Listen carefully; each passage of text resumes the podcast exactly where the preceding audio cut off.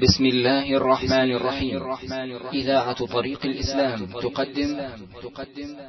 والإخوة في الله هذا هو الشريط الثالث والتسعون من شرح رياض الصالحين.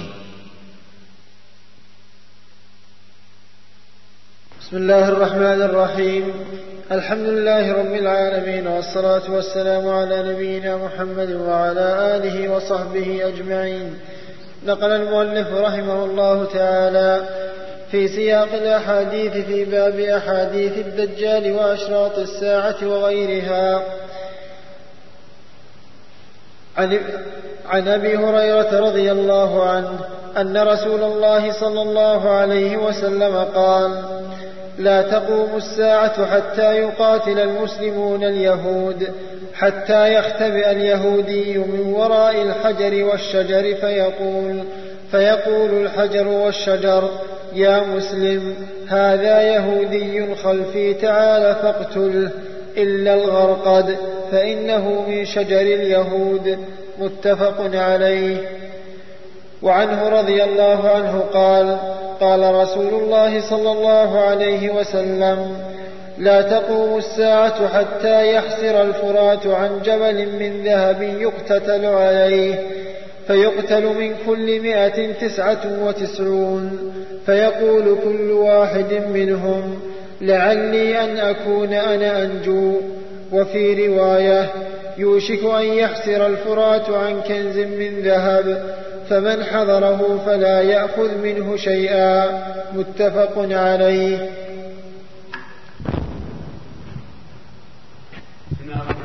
قال المؤلف رحمه الله في كتابه رياض الصالحين فيما ذكره من أشراط الساعة. ما نقله عن أبي هريرة رضي الله عنه أنه لا تقوم الساعة حتى يقتتل المسلمون واليهود. المسلمون بعد بعثة الرسول عليه الصلاة والسلام هم أتباع الرسول محمد هم أتباع الرسول محمد صلى الله عليه وعلى آله وسلم. وأما قبل ذلك فالمسلم من اتبع الشريعة القائمة. فقوم موسى في عهد موسى مسلمون. والنصارى في عهد عيسى مسلمون. ومن آمن من قوم موسى من قوم نوح مسلمون. وهكذا كل من كان مؤمنا برسول قائمة رسالته فهو مسلم. لكن بعد بعثة الرسول عليه الصلاة والسلام ليس مسلما إلا من آمن به. بالرسول عليه الصلاة والسلام. وإلا فلا يخفاكم أن الحواريون قالوا نحن أنصار الله وأن ملك السبع قالت إني ظلمت نفسي وأسلمت مع سليمان لله رب العالمين وغير ذلك مما هو معروف. اليهود هم أتباع موسى سموا بذلك نسبة إلى جدهم يهوذا فهم ينتسبون إلى هذا الجد لكن مع التعريب صاروا يهود بالدال وهي أمة غضبية ملعونة غدارة خوانة مكارة واصفة لربها بالعيب والنقص. قالوا اليهود يد الله مغلولة. وقالوا إن الله فقير. وقالوا إن الله تعب حين خلق السماوات والأرض فاستراح يوم السبت. إلى غير ذلك مما وصف الله تعالى مما وصف الله به من النقائص والعيوب. أما الرسل فحدث ولا حرج. كفروا بالرسل. وقتلوهم بغير حق. وقتلوا المسيح عيسى ابن مريم بزعمهم. وما قتلوه وما صلبوه فهم أخبث أمة من الأمم اليهود. وهم قوم خونة. غدارة. لا يكون بعهد ولا ذمة ولا يؤتمنون على شيء. في قبل يوم القيامة يقاتلون المسلمين. وتأمل كلمة المسلمين تأمل كلمة المسلمين. يقتتل المسلمون واليهود فينصر المسلمون عليه. نصرا عزيزا حتى إن اليهود يختبئ بالحجر يعني يتغبى به وبالشجر فيقول الحجر والشجر ينطقه الله الذي أنطق كل شيء. يا مسلم هذا يهودي تحتي فاقتله. أحجار تنطق وأشجار. لماذا؟ لأن القتال بين المسلمين واليهود. أما بين العرب واليهود فهذا الله أعلم من ينتصر. لأن الذي يقاتل اليهود من أجل العروبة قد قاتل حمية وعصبية. ليس لله عز وجل. ولا يمكن أن ينتصر ما دام, ما دام قتاله من أجل العروبة لا من أجل الدين والإسلام إلا أن يشاء الله. لكن إذا قاتلناهم أي اليهود من أجل الإسلام ونحن على الإسلام حقيقة فإننا غالبون بإذن الله. حتى الأشجار والأحجار تتكلم لصالحنا وضد اليهود. حتى الحجر يقول هذا يهودي فاقتلها والشجر يقول هذا يهودي فاقتل أما ما دامت المسألة عصبية وعروبة وما أشبه ذلك فلا ضمان للنصر أبدا. ولهذا لا يمكن أن يقوم للعرب قائمة على هذا الأساس أي أساس العروبة. والدليل على ذلك الواقع. وطحنوا وخبزوا على عليها ومن أجلها ولم تستفد شيئا. بل بالعكس صارت النكبات العظيمة من اليهود على العرب شيء عظيم. احتلوا ديارهم وحاصروهم وآذوهم.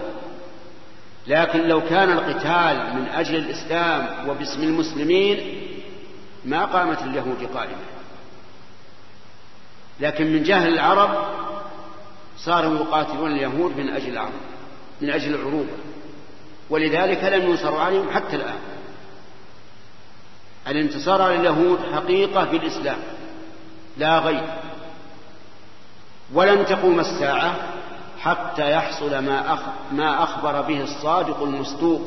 رسول الله صلى الله عليه وسلم يقاتل المسلمون اليهود فيقتلهم المسلمون وينتصرون عليهم ويظهرون عليهم وينادي الحجر والشجر الذي ليس من عادته أن ينطق يا يا مسلم هذا يهودي فاقتله كذلك أيضا من أشراط الساعة. والذي لا بد أن يكون أن الفرات وهو النهر المعروف في شرقي أقصى الجزيرة يحصل عن ذهب جبل من ذهب أو كنز من ذهب. يحصل بمعنى أن الذهب يخرج جبل ذهب والذهب معروف. رأيت الناس قد ذهبوا إلى من عندهم؟ إيش؟ ذهبوا. رأيت الناس قد ذهبوا إلى من عنده ذهب. الذهب يسلب العقول. كل يريد الذهب. سوف يحصر هذا, هذا سوف يحصر هذا الماء النهر الجاري عن جبل من ذهب. سبحان الله جبل من ذهب ولا حصى؟ إيش؟ من ذهب يقول الرسول عليه الصلاة والسلام يخرج ذهب. فينحش كل واحد يقول لعلي أنا الذي أنت لعلي أنا الذي أنت. ويقاتل لأجل أن يصل إيه؟ البترول. وصاروا يسمونه الذهب الأسود. فالله أعلم بما أراد رسول الله. لكن نحن إلى الآن لا نعرف الذهب إلا هذا المعدن الأصفر المعروف. فنبقى على ما هو عليه. ووراءنا أيام. الدنيا ما انتهت بعد حتى نقول لا بد أن نطبق الحديث على الواقع. لو, لو, لو أن الدنيا انتهت قلنا نعم صدق رسول الله والمراد بالذهب هذا البترول لأنه يباع بالذهب. لكنه ما دامت المسألة ما تمت الدنيا فنحن ننتظر ما أخبر به الصادق المصدوق ولا بد أن يقع ويقتتل الناس عليه. فلا وهذا من أشراط الساعة لكنه لم يأتي بعد. والله موفق أفيجدانها وحوشا حتى إذا بلغا ثنية الوداع خرا على وجوههما متفق عليه. وعن أبي سعيد الخدري رضي الله عنه أن النبي صلى الله عليه وسلم قال يكون خليفة من خلفائكم في آخر الزمان يحث المال ولا يعده. رواه مسلم. وعن أبي موسى الأشعري رضي الله عنه أن النبي صلى الله عليه وسلم قال ليأتين, ليأتين على الناس زمان يطوف الرجل فيه بالصدقة من الذهب فلا يجد أحدا يأخذها منه ويرى, ويرى, ويرى الرجال ويرى الرجل الواحد يتبعه أربعون امرأة يلذن به من قلة الرجال وكثرة النساء. رواه مسلم. وعن أبي هريرة رضي الله عنه عن النبي صلى الله عليه وسلم قال اشترى رجل من رجل عقارا فوجد الذي اشترى العقار في عقاره جرة فيها ذهب فقال له الذي اشترى العقار خذ ذهبك إنما اشتريت منك الأرض ولم اشتر الذهب وقال الذي له الأرض إنما بعتك الأرض وما فيها فتحاكما إلى رجل فقال الذي تحاكما إليه ألكما ولد؟ قال أحدهما لي غلام. وقال الآخر لي جارية. قال أنكح الغلام الجارية وأنفقا على أنفسهما منه وأنفقا على أنفسهما منه فتصرفا. متفق عليه.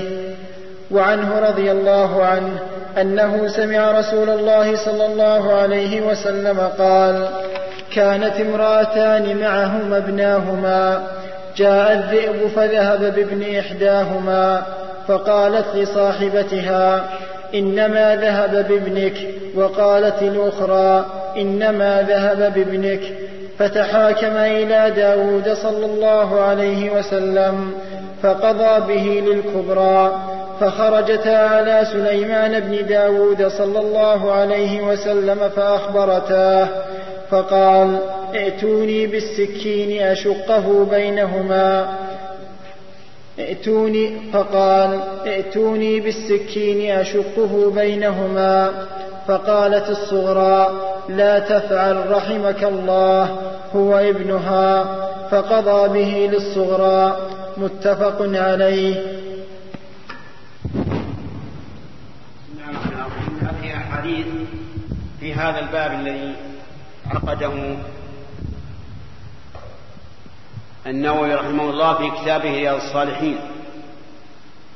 في المنثورات والملح تقدم ما تقدم من ذكر الدجال ويعجوج ومأجوج وذكر أحاديث في هذا المجلس تدل على أن المدينة النبوية زادها الله تشريفا وتعظيما أنه يخرج عنها أهلها ولا يبقى فيها إلا العوافي عوافي السباع والطيور ليس فيها أحد. لكن هذا لم يأتي بعد وما أخبر به النبي صلى الله عليه وعلى آله وسلم فسوف يقع لأن النبي صلى الله عليه وسلم في أمور الغيب لا ينطق عن الهوى.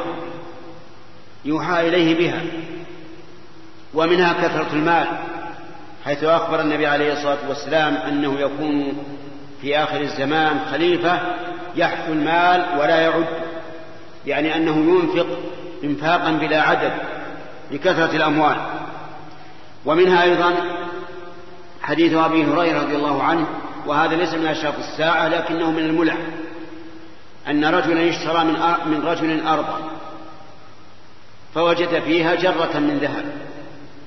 فذهب المشتري إلى البائع وقال خذ هذا هذا مالك أنا إنما اشتريت الأرض ولم أشتري الذهب.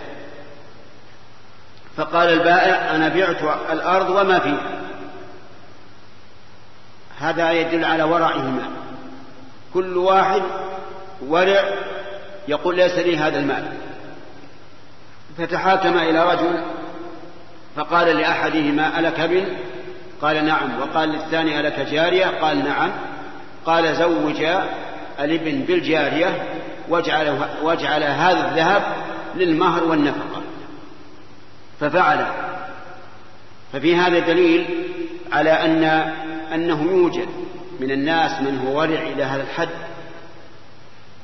أما حكم هذه المسألة فقال العلماء رحمهم الله إن الإنسان إذا باع أرضا على شخص ووجد المشتري ووجد المشتري فيها شيئا مدفونا من ذهب أو غيره فإنه لا يملكه بملك الأرض بل يكون للبائع. وإذا كان البائع اشتراها من آخر فهي للأول لأن, لأن هذا المدفون ليس من, من الأرض. بخلاف المعادن لو اشترى أرضا ووجد فيها معدنا من ذهب أو فضة أو حديد أو نحاس أو غيره فإنه يتبع الأرض. هذا من الملح. ومنها أيضا حديث أبي هريرة في قصة امرأتين خرجتا بابنين لهما فأكل الذئب ابن واحدة منهما وبقي ابن الأخرى. فقالت كل واحدة منهما إنه لي. الكبرى تقول لي والصغرى تقول لي. فتحاكمتا إلى داود عليه الصلاة والسلام. فقضى به للكبرى اجتهادا منه. لأن الكبرى ربما تكون توقفت عن عن الولد والصغرى شابة يأتيها الولد في المستقبل فجعله للكبرى. ثم خرجتا منه إلى سليمان ابن داود. فأخبرته بالخبر فدعا بالسكين. دعا بالسكين وقال أشقه بينكما نصفين. أما الكبرى فرحبت وأما الصغرى فأبت. قالت لا لا تفعل يرحمك الله هو ابنها. أدركتها الشفقة لأنه لأنه ابنها حقيقة وللصغرى وليس للكبرى. الكبرى لم تبال به. لأنه ابن غيرها ولا, ولا, ولا يهمها. أن يذهب كما ذهب ولدها الذي أكله الذئب. لكن الصغرى أدركتها الرحمة قالت هو لها يا, يا نبي الله. فقضى به للصغرى. بأي, بأي بينة؟ القرينة. لأن كونها ترحم هذا الولد وتقول هو للكبرى ويبقى حيا وإن كان سيكون عند غيرها لكن بقاؤه حيا ولو كان عند غيرها أهون من أن يشق نصفين. فقضى به للصورة أخذ العلماء من هذا الحديث العمل بالقرائن وأنه يجوز للقاضي أن يحكم بالقرائن إذا كانت قوية. ومن ذلك ما حصل بين امرأة العزيز ويوسف بن يعقوب عليهما الصلاة والسلام. يوسف بن يعقوب من المعلوم أنه حبس في السجن وكان عليه الصلاة والسلام جميلا جدا حتى أن إنه أعطي نصف الحسن نصف جمال الناس في يوسف. فامرأة العزيز وهي امرأة ملك لها حسب ولها منزلة لكن عجزت أن تملك نفسها. حتى مكرت به وكادت له وأدخلته في البيت وغلقت الأبواب ودعته إلى نفسها والعياذ بالله. ولكنه عصمه الله عز وجل.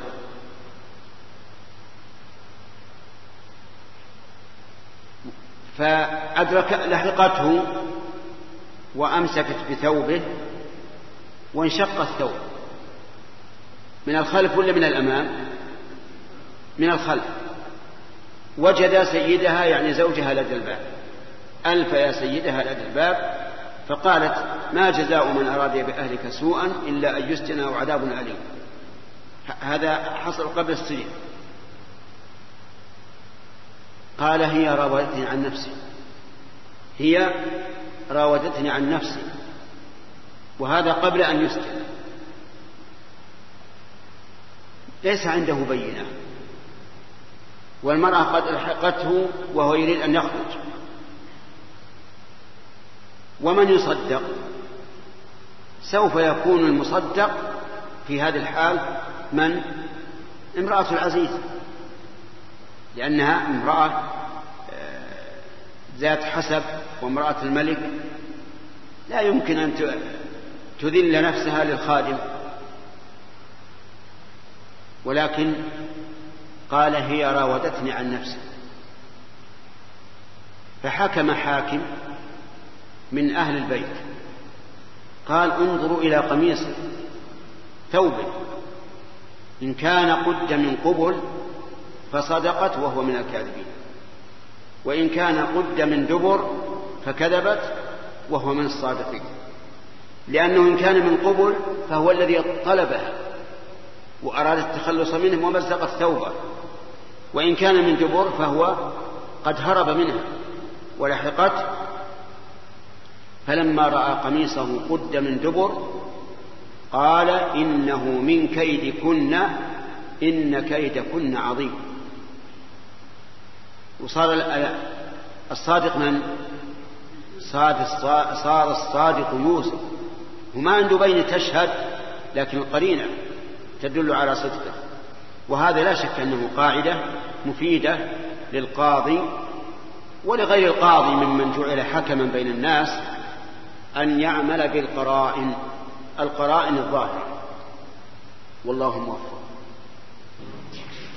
بسم الله الرحمن الرحيم. الحمد لله رب العالمين والصلاة والسلام على نبينا محمد وعلى آله وصحبه أجمعين. نقل المؤلف رحمه الله تعالى في سياق الأحاديث في باب أحاديث الدجال وأشراط الساعة وغيرها. عن مرداس الأسلمي رضي الله عنه قال قال النبي صلى الله عليه وسلم يذهب الصالحون الأول فالأول ويبقى حثالة كحثالة الشعير أو التمر لا يباليهم الله باله. رواه البخاري. وعن رفاعة بن رافع الزرقي رضي الله عنه قال جاء جبريل إلى النبي صلى الله عليه وسلم قال ما تعدون أهل بدر فيكم؟ قال من أفضل المسلمين أو كلمة نحوها؟ قال وكذلك من شهد بدرا من الملائكة؟ رواه البخاري. وعن ابن عمر رضي الله عنهما قال قال رسول الله صلى الله عليه وسلم إذا أنزل الله تعالى بقوم عذابا أصاب العذاب من كان فيهم ثم بعثوا على أعمالهم. متفق عليه.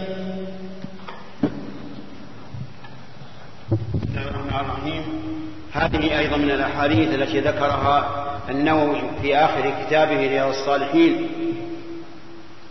من الملح. منها أن النبي صلى الله عليه وسلم أخبر أنه يذهب الصالحون الأول فالأول. ثم يبقى حثالة كحثالة الشعير أو التمر لا يبالي بهم الله بالا يعني لا لا يبالي بهم ولا يرحمهم ولا ينزل عليهم الرحمة. فالصالحون يذهبون الأول فالأول. وهذا الحديث يشبه حديث أنس بن مالك رضي الله عنه حين جاء الناس إليه يشكون إليه ما وجدوا من الحجاج بن يوسف الثقفي. فأخبرهم النبي صلى الله فأخبرهم أن النبي صلى الله عليه وسلم قال لا يأتي على الناس زمان إلا وما بعده شر منه حتى تلقوا ربكم. فهذا الحديث يشابه الحديث الذي أشرنا إليه. ولذلك تجد الناس يتردون كل عام أردى من الذي قبله. يذهب الصالحون الأول فالأول. فيما سبق تجد الناس يتهجدون في الليل يصومون في النهار يتصدقون من أقواتهم يؤثرون على أنفسهم. في اليوم تجد الناس يتغيرون من سنة إلى أخرى إلى أرد من قبل. سهر في الليل على غير طاعة الله ونوم في النهار أو له أو بيع وشراء يشتمل على الغش والكذب والخيانة والعياذ بالله. فالناس إلى أرد لكن مع ذلك في الناس خير ولله الحمد. يوجد أناس ولله الحمد على دين الله مستقيمون على ما ينبغي لكن العبرة بالعموم العبرة بالعموم والشمول. ولهذا أخبر النبي عليه الصلاة والسلام كما في الحديث الثالث الذي رواه البخاري أن الناس إذا نزل بهم العذاب شمل الجميع. كما قال تعالى واتقوا فتنة لا تصيبن الذين ظلموا منكم خاصة واعلموا أن الله شديد العقاب. لكنهم يبعثون يوم القيامة على نياتهم. كل على ما هو عليه. فلذلك يجب الحذر من أن يكون الإنسان من الحثالة التي كحثالة الشعير والتمر وأن يحرص على أن يستقيم على أمر الله. حتى لو كان الناس قد هلكوا فإنه لو أصيبوا بعذاب يبعث كل منهم على نيته يوم القيامة. لو صدق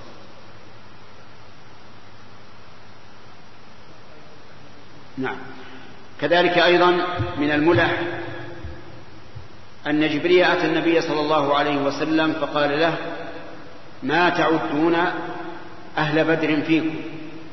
قال النبي صلى الله عليه وسلم من أفضل المسلمين أو كلمة نحوها. قال وكذلك الملائكة الذين قاتلوا في بدر. بدر اسم مكان بين مكة والمدينة معروف. كان فيه وقعة بين المسلمين والمشركين. سببها أن أبا سفيان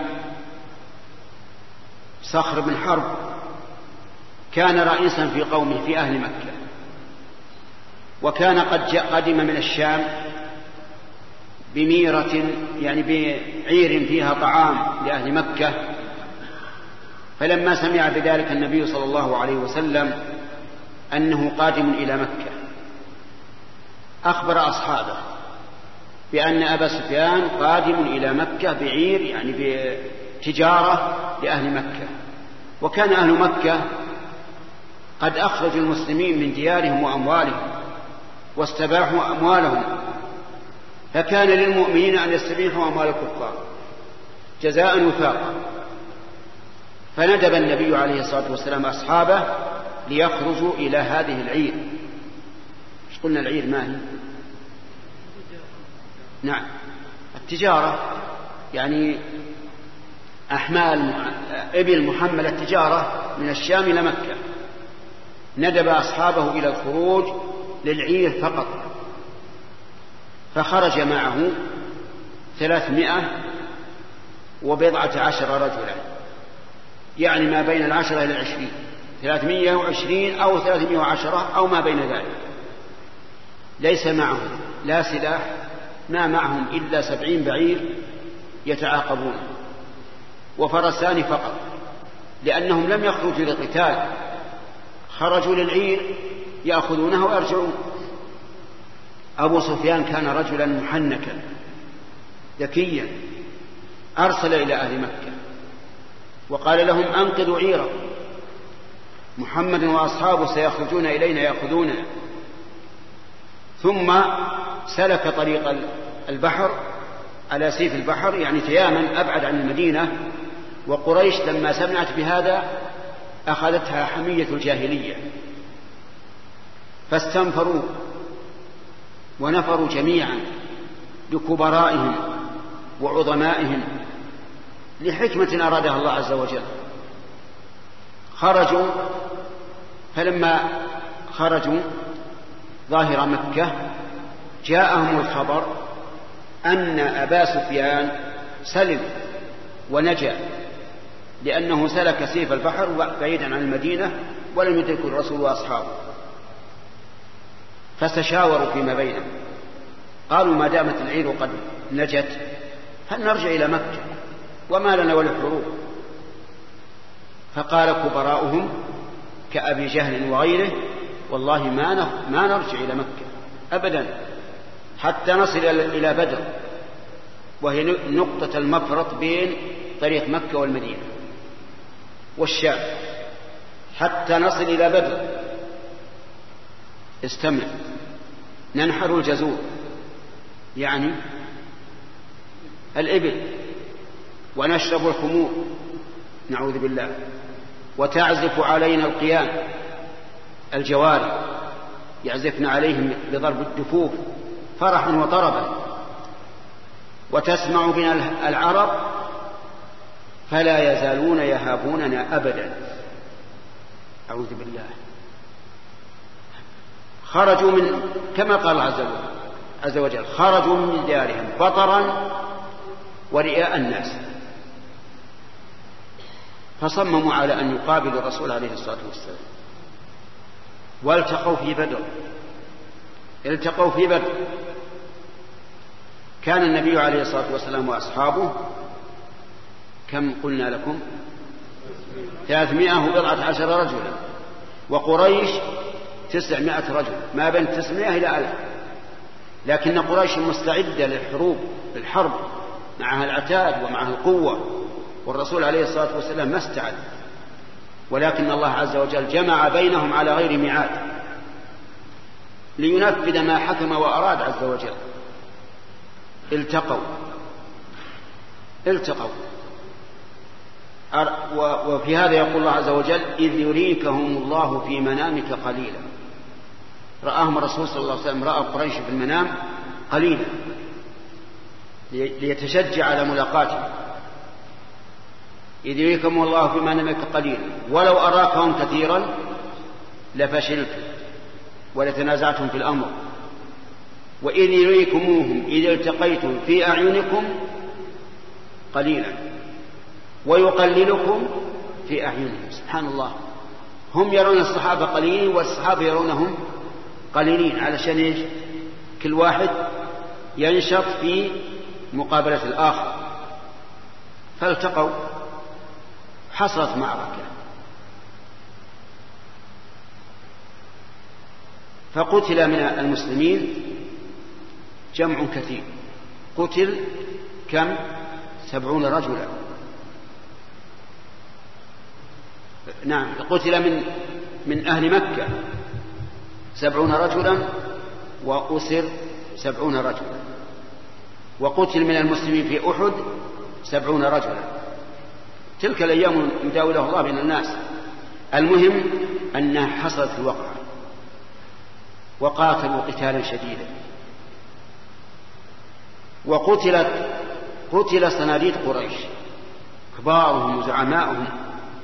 الكبار العظماء. ومنهم السبعة أو الثمانية الذين ألقوا السلا على رسول الله صلى الله عليه وسلم وهو ساجد تحت الكعبة. في قصة ليس هذا موضع ذكرها لكنها مشهورة. جماعة من قريش في, في, الحرم والرسول عليه الصلاة والسلام يصلي لله عز وجل تحت الكعبة قبل أن يهاجر. فلما سجد قال بعضهم بعض من يذهب إلى ناقة بني فلان الذين ذبح التي ذبحوها؟ يأتي بسلاها وفرثها ودمها يلقيها على محمد وهو ساجد. فانتدب أشقاهم والعياذ بالله وذهب وأتى بالسلا والفرث والدم ووضعه على ظهر الرسول وهو ساجد. تحت الكعبة آمن مكان. والرسول عليه الصلاة والسلام بقي كان ابن مسعود رضي الله عنه هناك في المسجد لكن يقول أنا صغير. أخشى على نفسي لو ذهبت وزيل الفرق عن ظهر الرسول حصل عليه ما يضر. فجاءت فاطمة الصغيرة بنت الرسول صلى الله عليه وسلم ذهبوا وأخبروها فجاءت وهي جارية. فألقت عنه السلاء والفرض وقام وأتم صلاته. ولما أتم صلاته دعا ربه عز وجل. دعا ربه. قال اللهم عليك بقريش اللهم عليك بقريش اللهم عليك بقريش. اللهم عليك بفلان وفلان وفلان وفلان وعددهم فقتلوا في بدر. قتلوا في بدر. ثم إن الرسول عليه الصلاة والسلام أمر بهم أي بالصناديد الكبراء وألقوا في قليب في بدر قليب بئر منتنة خبيثة إهانة لهم. ألقيت جثثهم في البئر وبقي النبي عليه الصلاة والسلام منصورا مظفرا في ذلك المكان ثلاثة أيام. وكان من عادته إذا قاتل قوما وانتصر عليهم أن يبقى في العرصة ثلاثة أيام. وفي يوم من الأيام أمر ببعيره فرحلت ثم ركبها حتى وقف على البير البير اللي إيش؟ اللي فيها كبار قريش وجعل يناديهم يا فلان ابن فلان. يناديهم كأنما ينادي أحدا بين يديه يا فلان ابن فلان. هل وجدتم ما وعد ربكم حقا؟ فإني وجدت ما وعدني ربي حقا. نصر والحمد لله ونصر والله انتصار لنا إلى إلى يومنا هذا. نصر. هل وجد إني وجدت ما وعدني ربي حقا. قالوا يا رسول الله كيف تكلم ناس موتى جيف جيف. قال والله ما أنتم بأسمع لما أقول منه. يعني يسمعون كلامي أكثر مما تسمعونه أنتم. ولكنهم لا يستطيعون الجواب. المهم الذين قاتلوا في بدر قلنا لكم عددهم كم؟ ها؟ ثلاثمائة وبضعة عشر رجلا هم من أفضل المسلمين. أتدرون ماذا قال لهم ربهم عز وجل؟ قال اعملوا ما شئتم فقد غفرت لكم. اللهم فضلك. كل ذنب يفعله واحد ما أهل بدر فهو مغفور له. مهما كان عظمه فإنه مغفور له. لكنهم لن يكفروا. لأن الله قال اعملوا ما شئتم فقد غفرت لكم وهذا يعني ما هو لن يرتدوا على أدبارهم لكن لو فعلوا أكبر معصية ما يغفر لهم وحصل هذا تطبيقا. فإن أحدهم أحد الذين شهدوا بدرا لما أراد النبي صلى الله عليه وسلم أن يذهب إلى قريش في غزوة الفتح الحديث يطول لا بأس ولا نوقف. نعم. أرسل حاطب وهو ممن حضر وقعة بدر أرسل امرأة معها كتاب إلى قريش. قال لهم إن محمد إن الرسول صلى الله عليه وسلم سيغزوه. انتبهوا فأطلع الله النبي صلى الله عليه وسلم على هذا العمل. فأرسل رجلين أحدهما علي بن أبي طالب إلى هذه المرأة وأدركوها في روضة خاخ فأمسكوها قالوا إلى أين؟ قالت إلى مكة. وش اللي معك؟ قالت ما معي شيء. ما معي شيء. قال لا معك شيء. ليش عزموا عليها وهم ما يدرون؟ الجواب يدرون لأن الرسول قال لهم تجدون في الروضة الفلانية امرأة معها كتاب لقريش يخبر يخبرهم بأني قادم عليهم. قالوا لها شو إما أن تعطيني ما عندك وإلا يعني كشفنا عنك. عريناك ووجدنا بأي مكان لا بد أن يكون. فأخرجته لهم. وإذا فيه كتاب من حاطب ابن بلتعة رضي الله عنه وهو ممن شهد بدرا فجاءوا به إلى الرسول عليه الصلاة والسلام. وعرضوه عليه. فدعاه قال ما هذا يا حاطب؟ ما هذا يا حاطب؟ كيف تخون؟ كيف ترسل إلى قريش بأخبارنا؟ وهذا يسمى عند الناس إيش؟ يسمى جاسوس. يسمى جاسوس. كيف تفعل هذا؟ اعتذر بعذر. ثم قال عمر أو غيره من الصحابة يا رسول الله ألا أضرب عنقه؟ فإنه قد خان الله ورسوله. كيف يعلم أخبارنا؟ قال يا أما علمت أن الله اطلع على أهل بدر فقال اعملوا ما شئتم فقد غفرت لكم. فوقعت هذه الفعلة القبيحة الشنيعة العظيمة وقعت موقع مغفرة. لماذا؟ إيش؟ لأن الرجل من أهل بدر. فهؤلاء أهل بدر رضي الله عنهم وجمعنا, وإي وجمعنا وإياكم بهم في جنات النعيم. ونسأل الله أن يكون حديثنا هذا. ونجتمع فيهم إن شاء الله تعالى في جنات النعيم على أحسن حال. هؤلاء أهل بدر. منع منع الرسول عليه الصلاة والسلام منع قتله هذا الرجل كونه إيش؟ شهد بدر. وعلى هذا فإذا وجدنا جاسوسا من المسلمين يخبر الكفار بأخبارنا وجب قتله. حتى لو قال أشهد أن لا إله إلا الله وأن محمد رسول الله يجب أن يقتل. بدون استثناء. لأن الرسول عليه الصلاة والسلام لم يمنعه من قتله إلا كونه من أهل بدر. وهذه مزية لن تحصل إلى يوم القيامة. ما هي حاصلة وقد استدل العلماء رحمهم الله في هذا الحديث على أن الجاسوس يقتل سواء كان مسلما أو كافرا على كل حال. لأنه يفضي بأخبارنا إلى أعدائنا. والله الموفق. بسم الله الرحمن الرحيم. الحمد لله رب العالمين والصلاة والسلام على نبينا محمد وعلى آله وصحبه أجمعين. نقل المؤلف رحمه الله تعالى في سياق الأحاديث في باب أحاديث الدجال وأشراط الساعة وغيرها. عن جابر رضي الله عنه قال كان جذع يقوم إليه النبي صلى الله عليه وسلم يعني في الخطبة فلما وضع المنبر سمعنا للجذع مثل صوت العشار. حتى نزل النبي صلى الله عليه وسلم فوضع يده عليه فسكن.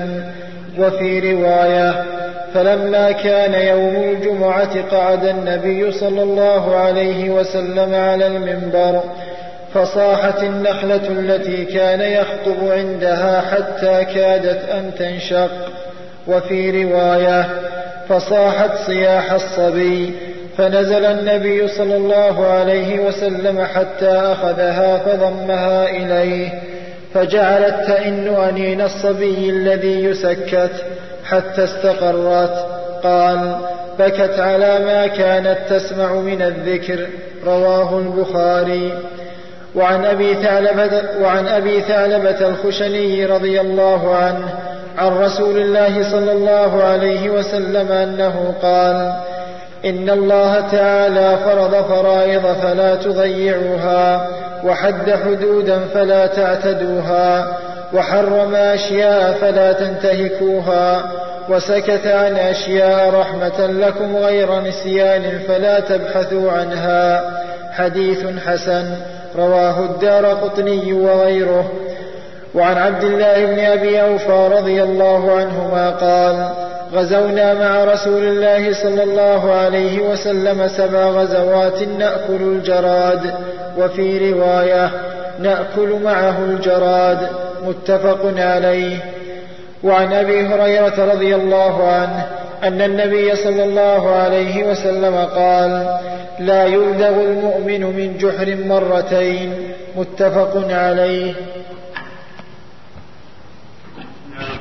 هذه الأحاديث المنثورة التي ذكرها المؤلف رحمه الله في آخر كتابه رياض الصالحين.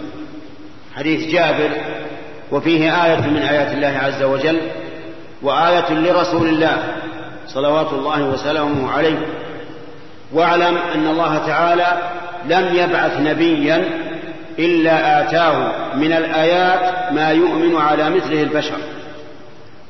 لأنه لو أرسل رسولا بدون آية تدل على أنه رسول الله ما صدقه أحد. ولكان للناس عذر في في رد قوله. ولكن الله تعالى بحكمته ورحمته ما أرسل رسولا إلا آتاه من الآيات ما يؤمن على مثله البشر.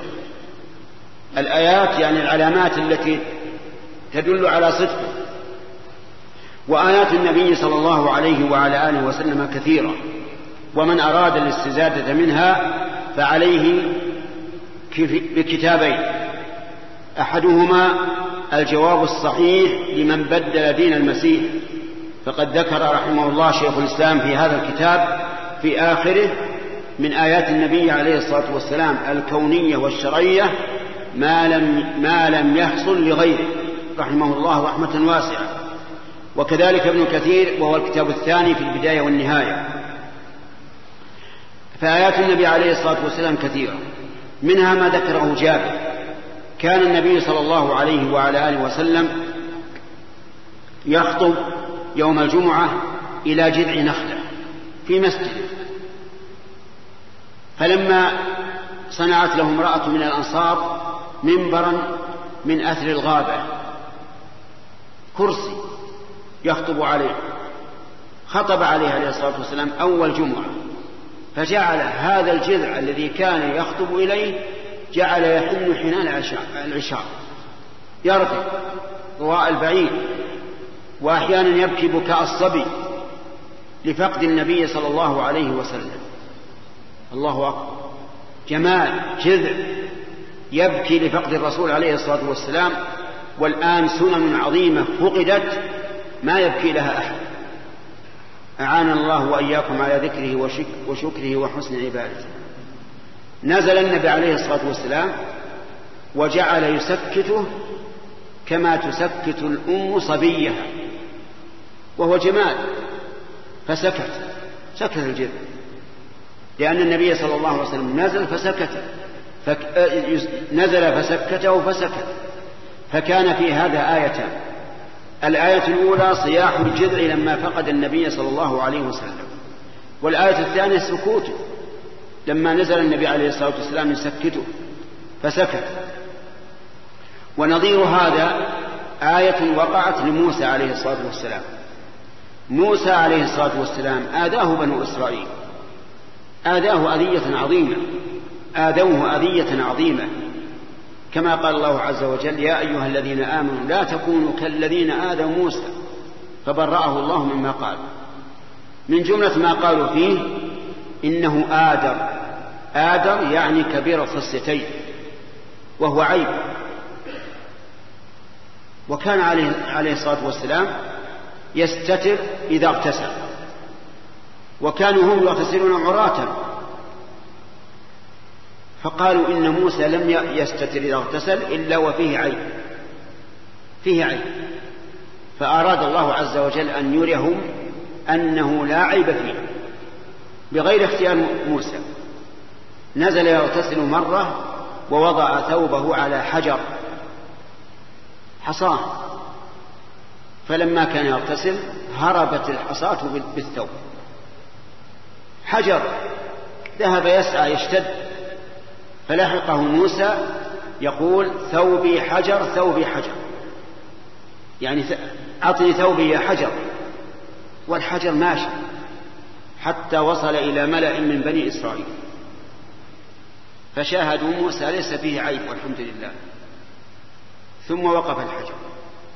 فجعل موسى يضربه يضرب الحجر. كيف يضرب الحجر جمال. لأن الحجر فعل فعل ما يفعله العاقل. لما فعل ما يفعله العاقل استحق أن يؤدب بالضرب وهل مثل ذلك ما تصنعه الأمهات الآن بأبنائهن الصغار؟ إذا عثر الطفل ولا ضربه شيء جعلت تضرب ال... الذي عثر به. نعم. هذا لأجل إيش؟ لأجل إيش؟ تسكت الصبي ويطيب خاطره. إذا كان إذا كان ينفع الصبي ويطيب خاطره فلا بأس. فالمهم أن الرسول عليه الصلاة والسلام نزل فسكت الحجر فسكت نعم سكت الجذع جذع النخلة فسكت. وهذا من آيات الله عز وجل. ويأتي إن شاء الله بقية الكلام على بقية الأحاديث. والله أعلم. نقل المؤلف رحمه الله تعالى في سياق الأحاديث في باب أحاديث الدجال وأشراط الساعة وغيرها. عن أبي ثعلبة الخشني رضي الله عنه عن رسول الله صلى الله عليه وسلم أنه قال إن الله تعالى فرض فرائض فلا تضيعوها وحد حدودا فلا تعتدوها وحرم أشياء فلا تنتهكوها وسكت عن أشياء رحمة لكم غير نسيان فلا تبحثوا عنها. حديث حسن رواه الدار قطني وغيره.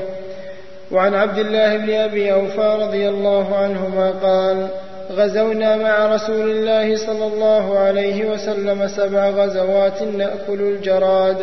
وفي رواية نأكل معه الجراد متفق عليه.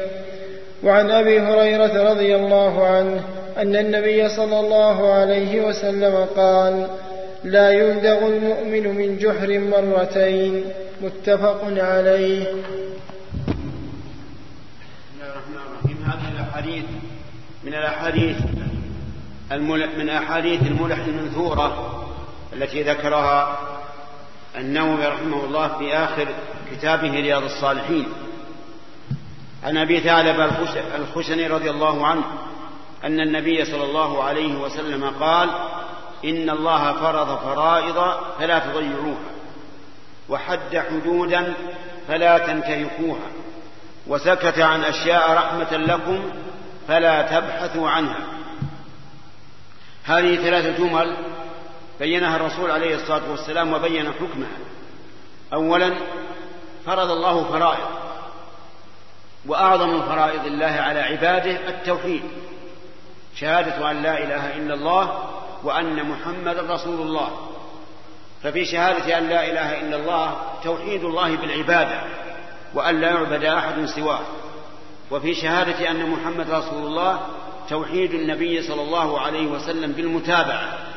بحيث لا يتابع أحد سواه. هذه أفرض الفرائض ثم الصلوات الزكاة الصوم الحج بر الوالدين صلة الأرحام حسن الجوار الصدق النصيحة أشياء كثيرة فرضها الله تعالى على عباده. منها فرائض عينية على كل واحد من الناس. ومنها فرائض كفاية. إذا قام بها من يكفي سقط عن الباقين فالصلوات الخمس فرض عين. لا بد على كل مسلم أن يقوم بها. والصلاة على الجنازة فرض كفاية. إذا قام بها من يكفي سقط عن الباقين وحد حدودا فلا تعتدوها. الفرائض قال لا تضيعوها بل احرصوا عليها وقوموا بها على الوجه المطلوب. وحد حدودا فلا تعتدوها. حد أشياء يعني جعلها حد جعل لها حدا معينا. فالصلوات الخمس مثلا لها حد وهي أوقاتها. أوقاتها الظهر من زوال الشمس إلى أن يصير ظل كل شيء مثله بعد فيء الزوال. العصر من هذا الوقت إلى غروب الشمس والاختيار إلى اصفرار الشمس. المغرب من غروب الشمس إلى مغيب الشفق الأحمر. العشاء من مغيب الشفق الأحمر إلى نصف الليل. الفجر من طلوع الفجر إلى طلوع الشمس. هذه حدود. الصوم له حد. من طلوع الفجر إلى غروب الشمس. الحج له حد. الحج أشهر معلومات. في أماكن معينة. إلى غير ذلك. حد حدودا فلا تعتدوها لا تجاوزوها. قال الله عز وجل ومن يتعد حدود الله فقد ظلم نفسه. ومن يتعد حدود الله فأولئك هم الظالمون. وسكت عن أشياء رحمة لكم فلا تبحثوا عنها. سكت عن أشياء لم يوجبها علينا ولم يحرمها علينا. ولو شاء لأوجب علينا ما شاء ولحرم علينا ما شاء لكنه سكت عن أشياء لولا رحمته لألزمنا بها. وأضرب لكم مثلا بالصلوات الخمس. الصلوات الخمس أول ما فرضها الله على العباد خمسين صلاة. كانت خمسين صلاة يصلي الإنسان في اليوم والليلة خمسين صلاة. ثم إن الله تعالى عفى وصارت خمسا بالفعل وخمسين بالميزان. وأشياء كثيرة عفى الله عنها. ولو شاء لا ألزمنا بها. وفي قوله وسكت عن أشياء دليل على ما ذهب إليه أهل السنة والجماعة من أن الله تعالى يتكلم بصوت مسموع. لأن السكوت هو ضد الكلام. ضد الكلام بالصوت المسموع. وهو جل وعلا يتكلم بما شاء. متى شاء كيف شاء. لا نعلم كيف يتكلم ولا نعلم متى يتكلم ولا نعلم بماذا يتكلم. لكن نؤمن بأنه إذا أراد شيئا قال له كن فيكون. كلما أراد شيئا كل شيء يريده يقول كن فيكون. ولهذا لا تحصى كلمات الله عز وجل. قال الله تعالى ولو أن ما في الأرض من شجرة أقلام. يعني لو كانت جميع أشجار الأرض أقلام يكتب بها والبحر يمده من بعده سبعة أبحر ما نفدت كلمات الله. وقال عز وجل قل لو كان البحر مدادا لكلمات ربي لنفد البحر قبل أن تنفد كلمات ربي ولو جئنا بمثله مددا. ثم ذكر حديث عبد الله بن أبي رضي الله عنه قال غزونا مع النبي صلى الله عليه وسلم سبع غزوات نأكل الجراد معا نأكل الجراد معا الجراد معروف هذا الطائر المعروف وهو من الحلال. حلال للإنسان يأكله حيا وميتا. قال النبي عليه الصلاة والسلام أحلت لنا ميتتان ودمان فأما الميتتان فالجراد والحوت. ولهذا لا يحتاج لا يحتاج إلى تذكية. الجراد يؤكل حيا وميتا وهو صيد. فإذا كان في مكة حرم على الإنسان أن يصيده وحرم عليه أن يطيره من مكانه. ولقد هذا الجراد قبل العام في رمضان في مكة وصار الصبيان يلتقطونه من الحرم وما حوله وهذا حرام ما يجوز. يجب على من رأى الصبي يلتقطه أن يمنع وينهاه لأنه صيد محترم. لا يجوز أن يصاد في مكة بل ولا يجوز طيرها قصدا. أما لو طارت وأنت مار فهذا ما عليك منها. لكن تبي تروح لما طيرة هذا ما يجوز. لا هذه ولا الجرادة ولا الحمامة ولا غيرها من الصيود. وفي هذا دليل على أن الصحابة رضي الله عنهم يستدلون بإقراء بتقرير الرسول عليه الصلاة والسلام. يعني إذا فعلوا شيئا وأقرهم عليه فإنه حلال. وهو كذلك لأن الرسول صلى الله عليه وسلم يستطيع أن يقول لا تفعلوا هكذا. لكن إذا سكت دل هذا على جوازه أما حديث أبي هريرة وهو الثالث فقال النبي صلى الله عليه وسلم لا يلدغ المؤمن من جحر مرتين. اللدغ لدغ الحية المؤمن كيس فطن. فطن محترز. لا يلدغ من جحر مرتين. يعني معنى أنه إذا حصل له شيء بأي عمل يكون فإنه لن يعود إليه.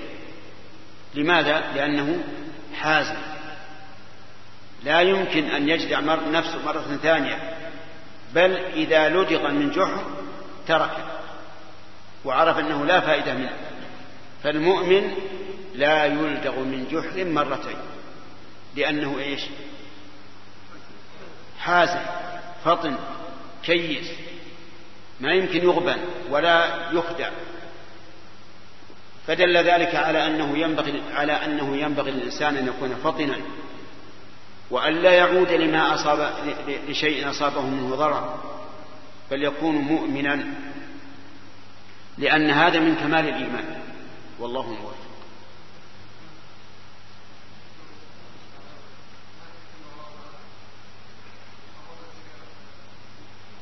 نعم. حرم أشياء فلا تنتهكوها نعم. حرم أشياء فلا تنتهكوها يعني لا تنتهك ما حرم الله عز وجل كما أنك لا تضيع ما أوجب الله. نعم. بسم الله الرحمن الرحيم. الحمد لله رب العالمين والصلاة والسلام على نبينا محمد وعلى آله وصحبه أجمعين. نقل المؤلف رحمه الله تعالى في سياق الأحاديث في باب أحاديث الدجال وأشراط الساعة وغيرها. عن أبي هريرة رضي الله عنه قال قال رسول الله صلى الله عليه وسلم ثلاثة لا يكلمهم الله يوم القيامة ولا ينظر إليهم ولا يزكيهم ولهم عذاب أليم. رجل على فضل ماء بالفلاة يمنعه من ابن السبيل ورجل بايع رجلا سلعة بعد العصر فحلف بالله لأخذها بكذا وكذا فصدقه وهو على غير ذلك. ورجل بايع إماما لا يبايعه إلا لدنيا فإن أعطاه منها وفى وإن لم يعطه منها لم يفي. متفق عليه. وعنه رضي الله عنه عن النبي صلى الله عليه وسلم قال بين النفختين أربعون. قالوا يا أبا هريرة أربعون يوما. قال أبيت. قالوا أربعون سنة. قال أبيت. قالوا أربعون شهرا. قال أبيت. ويبلى كل شيء من الإنسان إلا عجب ذنبه. فيه يركب الخلق. ثم ينزل الله من السماء ماء فينبتون كما ينبت البقل. متفق عليه. وعنه رضي الله عنه قال بينما النبي صلى الله عليه وسلم في مجلس يحدث القوم جاء أعرابي فقال متى الساعة؟ فمضى رسول الله صلى الله عليه وسلم يحدث فقال بعض القوم سمع ما قال فكره ما قال وقال بعضهم بل لم يسمع حتى إذا قضى حديثه قال أين السائل عن الساعة؟ قال ها أنا يا رسول الله. قال إذا ضيعت الأمانة فانتظر الساعة. قال كيف إضاعتها؟ قال إذا وسد الأمر إلى غير أهله فانتظر الساعة. رواه البخاري. هذه الأحاديث ذكرها المؤلف رحمه الله تعالى. في آخر كتابه رياض الصالحين. كلها عن أبي هريرة رضي الله عنه. الأول أخبر النبي صلى الله عليه وعلى آله وسلم أن ثلاثة لا يكلمهم الله يوم القيامة ولا ينظر إليهم ولا يزكيهم ولهم عذاب أليم. ثلاثة يعني ثلاثة أصناف وليس المراد ثلاثة رجال بل قد يكونون أمما عظيمة. اتصفوا بهذه الأوصاف. أولهم رجل على فضل ماء في فلاة يمنعه ابن السبيل. يعني إنسان عنده ماء من مزرعة أو بئر أو غير ذلك في أرض فلاة خالية من السكان. يمر الناس من عنده ليشربوا منه فيمنعهم والعياذ بالله. هذا لا يكلمهم الله لا يكلمه الله يوم القيامة ولا ينظر إليه ولا يزكيه وله عذاب أليم. وما بالك بحال رجل لا يكلمه الله لا يكلمه الله يوم القيامة ولا ينظر إليه ولا يزكيه وله عذاب أليم. والثاني رجل بايع سلع رجلا سلعة يعني باع سلعة على شخص أي سلعة؟ بهيمة سيارة ساعة أي شيء بعد العصر فحلف له لقد أعطي كذا وكذا وهو كاذب. فاشتراها الرجل بناء على أن ما قاله البائع صدق. فاشتراها بما قال وليس كذلك. هذا أيضا لا يكلمه الله يوم القيامة ولا ينظر إليه ولا يزكيه وله عذاب أليم. نسأل الله العافية. وذكر النبي عليه الصلاة والسلام العصر لأن أفضل أوقات النهار ما بعد صلاة العصر.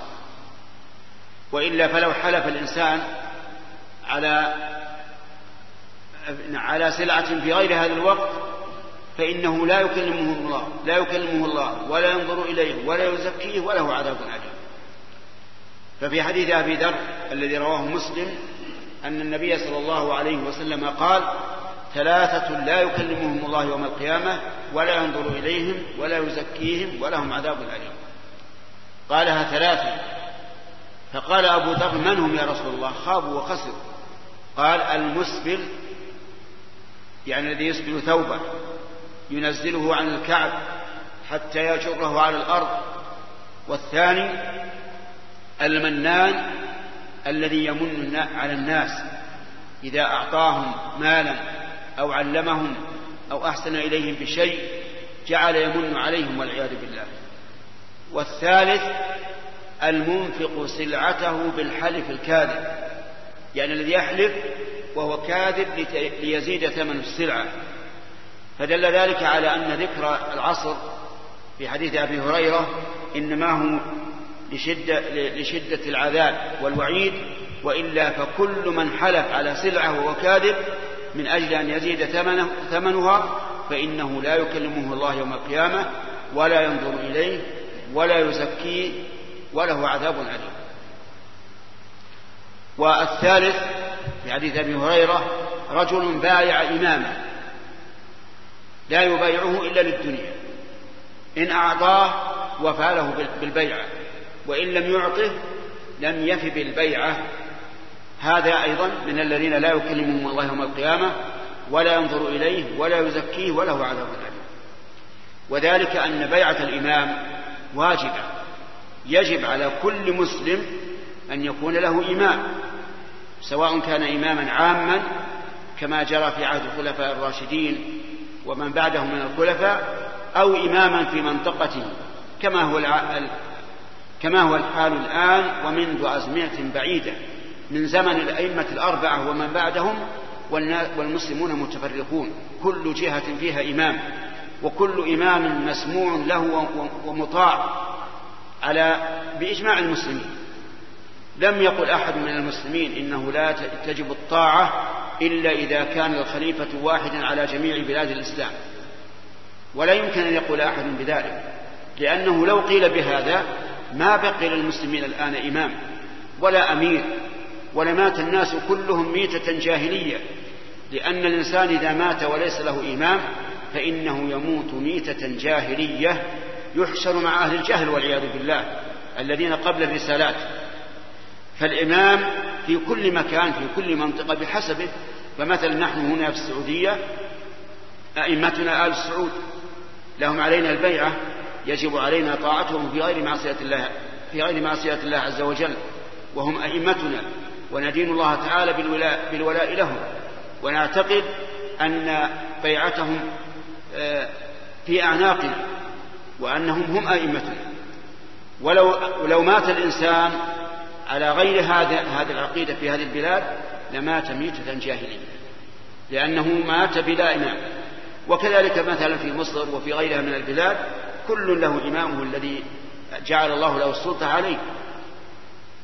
ولو قلنا لا إمام إلا, إلا الإمام الذي يعم جميع بلاد الإسلام ما بقي للمسلمين اليوم أئمة ولكانت ميتة المسلمين كلهم ميتة جاهلية والعياذ بالله. فهذا الرجل بايع الإمام لكنه بايعه للدنيا ما هو للدين ولا ولا ولا ولا لطاعة رب العالمين. إن أعطاه من المال وفى وإن منعه لم يفي. فيكون هذا الرجل متبعا لهواه غير متبع لهداه ولا طاعة لمولاه والعياذ بالله بل هو بنى بيعته على الهوى. قد يقول قائل مثلا نحن لم نبايع مثلا الإمام ما كل إنسان بايع. فيقال هذه شبهة شيطانية باطلة. هل الصحابة رضي الله عنهم حين بايعوا أبا بكر رضي الله عنه هل كل واحد بايع حتى العجوز في بيتها واليافع في, في, في سوقه؟ أبدا. المبايعة إنما هي لأهل الحل والعقد. فمتى بايع أهل الحل والعقد ثبتت الولاية على كل من في هذه البلاد. شاء أم أبى. ولا ولا أظن أحدا من المسلمين بل ولا من العقلاء يقول إنه لابد أن يبايع كل إنسان في ولو في جحر بيته ولو عجوزا أو شيخا كبيرا أو أو صبيا صغيرا ما قال أحد بهذا أبدا.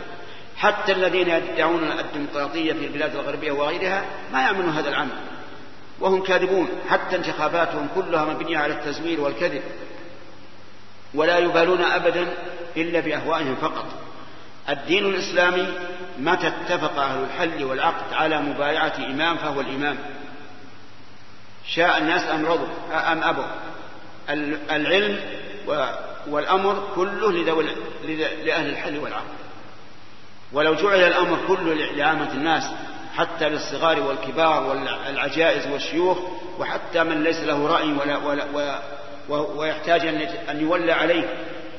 لو, لو, لو قيل بهذا ما بقي للناس إيمان. لأن الناس لا بد أن يختلفوا ولا يمكن أن يتفقوا. إذا جعل له الحل والعقد واتفقوا على شخص أن يكون أميرهم فهو أميرهم المطاع الذي يجب أن لا يموت الإنسان إلا وفي عنقه بيعة له فإن لم يفعل فإنه يموت ميتة جاهلية والعياذ بالله. المهم هذه ثلاثة أشياء. إذا صارت في الإنسان فإن الله لا يكلمه ولا ينظر إليه يوم القيامة ولا يزكيه وله عذاب أليم. وفي هذا الحديث دليل على ثبوت كلام الله عز وجل وأن الله تعالى يتكلم كما هو مذهب أهل السنة والجماعة أن الله تعالى موصوف بالكلام يتكلم جل وعلا كما شاء وبما شاء ومتى شاء. لا أحد يحجزه ولا يمتنع عليه شيء جل وعلا إنما أمره إذا أراد شيئا أن يقول له كن فيكون. وما كان الله ليعجزه من شيء في السماوات ولا في الأرض إنه كان عليما قديرا. فقوله لا يكلمهم الله دليل على أنه يكلم غيره وهو كذلك. وفي أيضا أن الله عز وجل ينظر نظرين نظرين ينظر نظرين النظر الأول العام. فإنه لا يخفى على بصره شيء جل وعلا. يرى كل شيء. والثاني الخاص وهو نظر الرحمة وهو المنفي في هذا الحديث أن الله لا ينظر إليهم نظر رحمة. وفيه أيضا دليل على أن الله هو المزكي هو المزكي للعباد كما قال الله تعالى ولكن الله يزكي من يشاء فالمزكي للأمور والمزكي للأشخاص والمزكي للأعمال هو رب العالمين عز وجل. نسأل الله تعالى أن يجعلنا وإياكم ممن زكاه ربه. إنه على كل شيء قدير.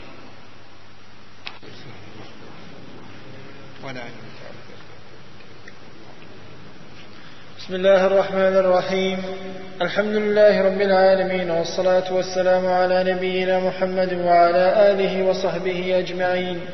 نقل المؤلف رحمه الله تعالى في سياق الأحاديث في باب أحاديث الدجال وأشراط الساعة وغيرها. عن أبي هريرة رضي الله عنه عن النبي صلى الله عليه وسلم قال بين النفختين أربعون. قالوا يا أبا هريرة أربعون يوما. قال أبيت. قالوا أربعون سنة. قال أبيت. قالوا أربعون شهرا. قال أبيت. ويبلى كل شيء من الإنسان إلا عجب ذنبه فيه يركب الخلق ثم ينزل الله من السماء ماء فينبتون كما ينبت البقل متفق عليه. وعنه رضي الله عنه قال بينما النبي صلى الله عليه وسلم في مجلس يحدث القوم جاء أعرابي فقال متى الساعة؟ فمضى رسول الله صلى الله عليه وسلم يحدث فقال بعض القوم سمع ما قال فكره ما قال وقال بعضهم بل لم يسمع حتى إذا قضى حديثه قال أين السائل عن الساعة؟ قال ها أنا يا رسول الله. قال إذا ضيعت الأمانة فانتظر الساعة. قال كيف إضاعتها؟ قال إذا وسد الأمر إلى غير أهله فانتظر الساعة. رواه البخاري. وعنه رضي الله عنه أن رسول الله صلى الله عليه وسلم قال يصلون لكم فإن أصابوا فلكم ولهم وإن أخطأوا فلكم وعليهم رواه البخاري. وعنه رضي الله عنه كنتم خير أمة أخرجت للناس. قال خير الناس للناس يأتون بهم في السلاسل في أعناقهم حتى يدخلوا في الإسلام. وعنه عن النبي صلى الله عليه وسلم قال عجب الله عز وجل من قوم يدخلون الجنة في السلاسل. رواهما البخاري. معناه يؤسرون ويقيدون ثم يسلمون فيدخلون الجنة.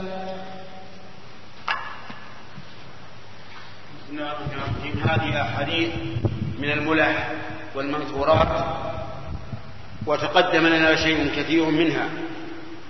فهذه أحاديث أربعة عن أبي هريرة رضي الله عنه. أنه سمع النبي صلى الله عليه وسلم يقول بين النفختين أربعون. النفختين يعني النفخة في الصور. والصور موكل به ملك من الملائكة يسمى إسرافيل. هذا الصور ينفخ فيه أول مرة. فيفزع الناس لهوله وشدته ثم يصعقون يموتون. كلهم كما قال الله تعالى ويوم ينفخ في الصور ففزع من في السماوات ومن في الأرض إلا من شاء الله وكل أتوه داخرين. وقال تعالى ونفخ فيه في الصور فصعق من في السماوات ومن في الأرض إلا من شاء الله ثم نفخ فيه أخرى فإذا هم قيام ينظرون. فالنفخة الأولى يكون بها الفزع والصعق. يعني الموت والهلاك. والنفخة الثانية يكون فيها القيام. فإذا هم قيام ينظرون قيام من قبورهم ينظرون ماذا حدث. وذلك أن الله تعالى يرسل عليهم مطرا قبل ذلك. مطرا غليظا كمني الرجال.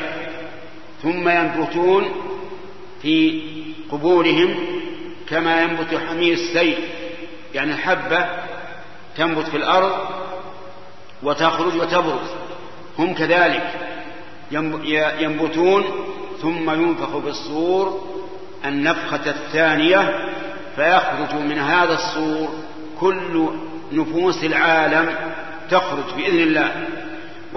وتذهب كل نفس إلى جسدها الذي كانت تعمره في الدنيا لا تخطئه.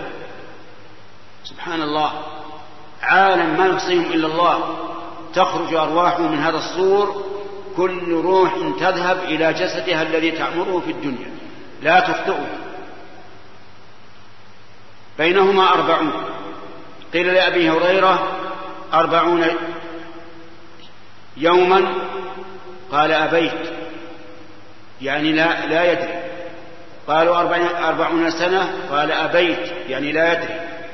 قال قالوا أربعون شهرا؟ قال أبيت يعني لا أدري. قال النبي عليه الصلاة والسلام بينهما أربعون فنقول كما قال الرسول عليه الصلاة والسلام والله أعلم. المهم أن هذا هو النفخ السوء.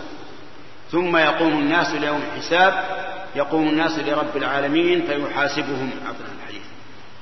يحاسبهم كل يحاسب بذنبه. إما وحسابه عز وجل دائر بين الفضل وبين العدل. ما في ظلم لأن المحاسبة إما ظلم أو عدل أو فضل. حساب الله عز وجل دائر بين العدل والفضل. قال الله عز وجل فاليوم لا تظلم نفس شيئا ولا تجزون إلا ما كنتم تعملون. أما الحديث الثاني فحديث الأعرابي الذي جاء إلى النبي عليه الصلاة والسلام. قال قال متى الساعة؟ وكان النبي صلى الله عليه وسلم يتحدث إلى أصحابه فمضى في حديث لم يحب أن يقطعه عليه الصلاة والسلام. وكأنه والله أعلم حديث متواصل. فقال قوم سمع ما قال فكره ما قال. والإنسان إذا كره سؤال السائل فلا حرج عليه أن لا يجيبه حتى لو سمعه لأنه قد يكون السائل ليس عنده حكمة وليس عنده حلم فيسأل سؤالا غير مناسب فللمجيب أن يدعه ولا يجيبه. وقال آخرون لعله لم يسمعه. فلما قضى النبي صلى الله عليه وسلم حديثه قال أين السائل؟ قال أنا يا رسول الله. متى الساعة؟ قال إذا وسد الأمر إلى غير أهله فانتظر الساعة. هذا الجواب. يعني إذا فسد الناس وكانت الأمور تسند إلى غير أهلها الفتوى تسند إلى الجاهل والإمارة تسند إلى السفيه والإدارة تسند إلى من لا علم عنده بالإدارة وهكذا. إذا وسد الأمر يعني أسند إلى غير أهله فانتظر الساعة. والخلاصة أنه إذا فسد الناس فانتظر الساعة لأن الساعة تقوم على شرار الخلق. ففي هذا التحذير من قلة الأمانة وأنه يجب أن يولى المناصب الأهل فالأهل لأن هذا مقتضى الأمانة. نعم. أما الحديث الثالث فهو أن النبي صلى الله عليه وسلم أخبر أن هناك أئمة يعني أمراء يصلون لكم فإن أساءوا فإن أحسنوا فلكم ولهم وإن أساءوا فلكم وعليهم. وهذا وإن كان في الأمراء يشمل أيضا الأئمة أئمة المساجد. يصلون لكم فإن أحسنوا في الصلاة وأتوا بها على ما ينبغي فذلك لكم ولهم وإن أساءوا فلكم وعليهم يعني ليس, علي ليس عليكم أنتم من إساءتكم شيء بل الإساءة عليهم. وفي هذا إشارة إلى أنه يجب الصبر على ولاة الأمر وإن أساءوا في الصلاة وإن لم يصلوها على وقتها بل أخروها عن أول الوقت فإن الواجب أن لا نشد عنهم وأن لا ننابذهم وأن نؤخر الصلاة كما يؤخرون وحينئذ يكون تأخيرنا الصلاة عن أول وقتها يكون تأخيرا بعذر لأجل موافقة الجماعة وعدم الشذوذ ويكون بالنسبة لنا كأنما صلينا في أول الوقت. وفي هذا إشارة إلى أن الشذوذ عن الناس وعن ولاة الأمور والبعد عنهم وإثارة الناس عليهم ونشر مساوئهم كل هذا مجانب للدين الإسلامي. الدين الإسلامي يأمر بالخير والعدل وينهى عن الشر والفساد حتى إن الله قال يا أيها الذين آمنوا كونوا قوامين لله شهداء بالقسط بالعدل. إذا ذكرت سيئة فاذكر الحسنة. أما أن تسعى بذكر السيئات وتجحد الحسنات فهذا جور وظلم. والله تعالى لا يحب الجور. ولا يجرمنكم شنآن قوم يعني لا يحملكم بغض قوم على ألا تعدلوا. اعدلوا هو أقرب للتقوى. فهؤلاء الذين يصلون ويؤخرون الصلاة عن وقتها نصلي معهم. لا نقول والله ما ما ما ما, ما نترك الصلاة في أول وقت نصلي في أول وقت لا نؤخر معهم ولا ننابذهم. وتكون لنا الأجر وإذا كان التأخير فيه الوزر فعلى المؤخرين. فإن أصابوا فلكم ولهم وإن أخطأوا فلكم وعليهم الرابع نعم. والرابع حديثه أيضا حديث أبي هريرة عجب الله من قوم يقادون إلى الجنة بالسلاسل. وفسره المؤلف رحمه الله بأنهم قوم من الكفار يؤسرون ثم يسلمون فيكون هذا الأسر سببا لإسلامهم ودخولهم الجنة. والله موفق. الحمد لله رب العالمين والصلاة والسلام على نبينا محمد وعلى آله وصحبه أجمعين. نقل المؤلف رحمه الله تعالى في سياق الأحاديث في باب أحاديث الدجال وأشراط الساعة وغيرها. عن أبي هريرة رضي الله عنه عن النبي صلى الله عليه وسلم قال أحب البلاد إلى الله مساجدها وأبغض البلاد إلى الله أسواقها. رواه مسلم. وعن سلمان الفارسي رضي الله عنه من قوله أنه قال لا تكونن إن استطعت أول من يدخل السوق ولا آخر من يخرج منها فإنها معركة الشيطان وبها ينصب رايته رواه مسلم. ورواه البرقاني في صحيحه عن سلمان قال قال رسول الله صلى الله عليه وسلم لا تكن أول من يدخل السوق ولا آخر من يخرج منها فيها باض الشيطان وفرخ. وعن عاصم الأحول عن عبد الله بن سرجس رضي الله عنه قال قلت لرسول الله صلى الله عليه وسلم يا رسول الله غفر الله لك. قال ولك. قال عاصم فقلت له استغفر لك رسول الله صلى الله عليه وسلم. قال نعم ولك. ثم تلا هذه الآية واستغفر لذنبك وللمؤمنين والمؤمنات. رواه مسلم. وعن أبي مسعود الأنصاري رضي الله عنه قال قال النبي صلى الله عليه وسلم إن مما أدرك الناس من كلام النبوة الأولى إذا لم تستح فاصنع ما شئت. رواه البخاري. وعن ابن مسعود رضي الله عنه قال قال رسول الله صلى الله عليه وسلم أول ما يقضى بين الناس يوم القيامة في الدماء متفق عليه. من هذه احاديث من الأحاديث المنثورة التي ختم النووي رحمه الله كتابه بها. منها حديث أبي هريرة إن النبي صلى الله عليه وسلم قال أحب أحب البقاع إلى الله مساجده وأبغض البقاع إلى الله اسواقه أو قال البلاد. فالمساجد مساجد الله عز وجل ولهذا أضافها الله تعالى إلى نفسه في قوله ومن أظلم ممن منع مساجد الله أن يذكر فيها اسمه.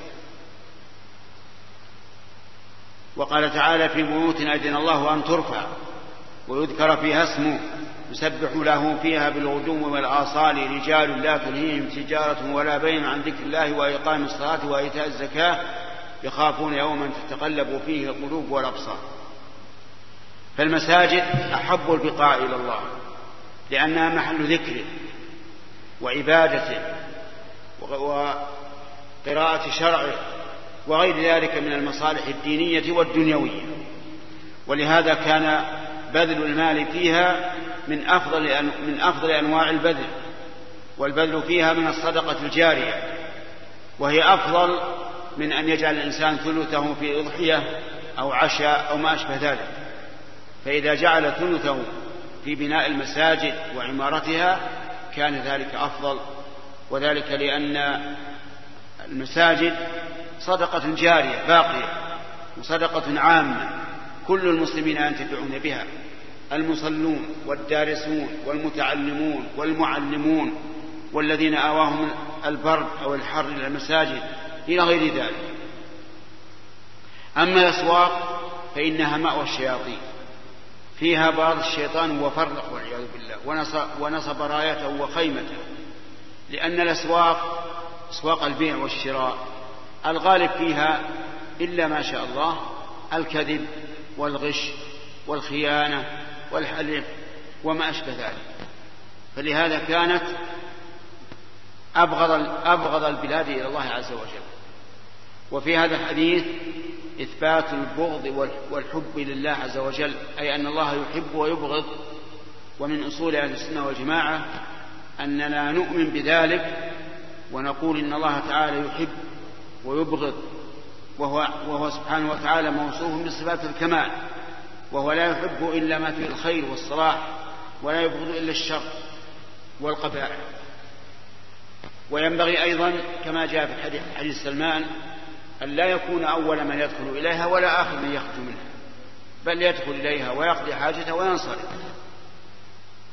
لأنها أبغض, أبغض البلاد إلى الله ويحصل فيها الاختلاط بين الرجال والنساء غالبا ويحصل فيها أي أيضا أن بعض الذين في الأسواق لا يتحاشون من النظر المحرم والكلام المحرم وما أشبه ذلك.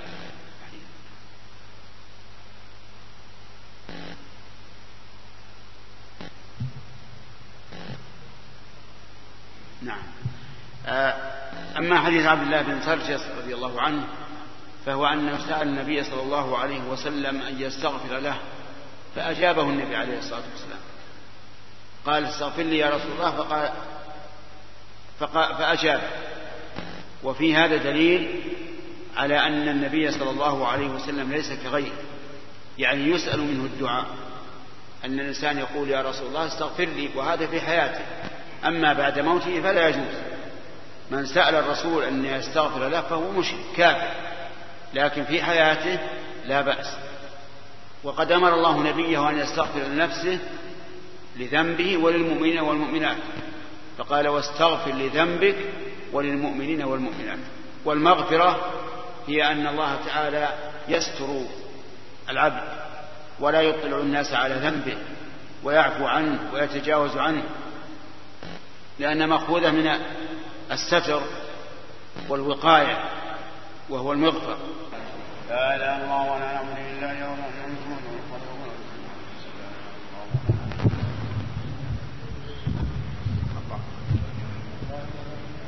لا اله الا الله ولا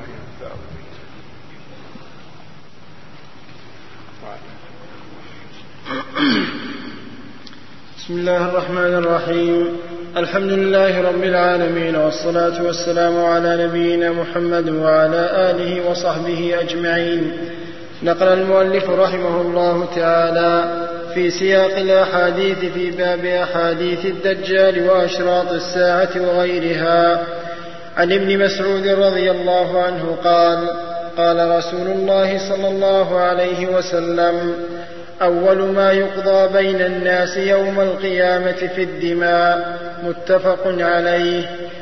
وعن عائشة رضي الله عنها قالت قال رسول الله صلى الله عليه وسلم خلقت الملائكة من نور وخلق الجان من مارج من نار وخلق آدم مما وصف لكم رواه مسلم. وعنها رضي الله عنها قالت كان خلق, نب كان خلق نبي الله صلى الله عليه وسلم القرآن. رواه مسلم في جملة حديث طويل. وعنها رضي الله عنها قالت قال رسول الله صلى الله عليه وسلم من أحب لقاء الله أحب الله لقاءه ومن كره لقاء الله كره الله لقاءه. فقلت يا رسول الله أكراهية الموت فكلنا نكره الموت. قال ليس كذلك ولكن المؤمن إذا بشر برحمة الله ورضوانه وجنته أحب لقاء الله فأحب الله لقاءه. وإن الكافر إذا بشر بعذاب الله وسخطه كره لقاء الله وكره الله لقاءه. رواه مسلم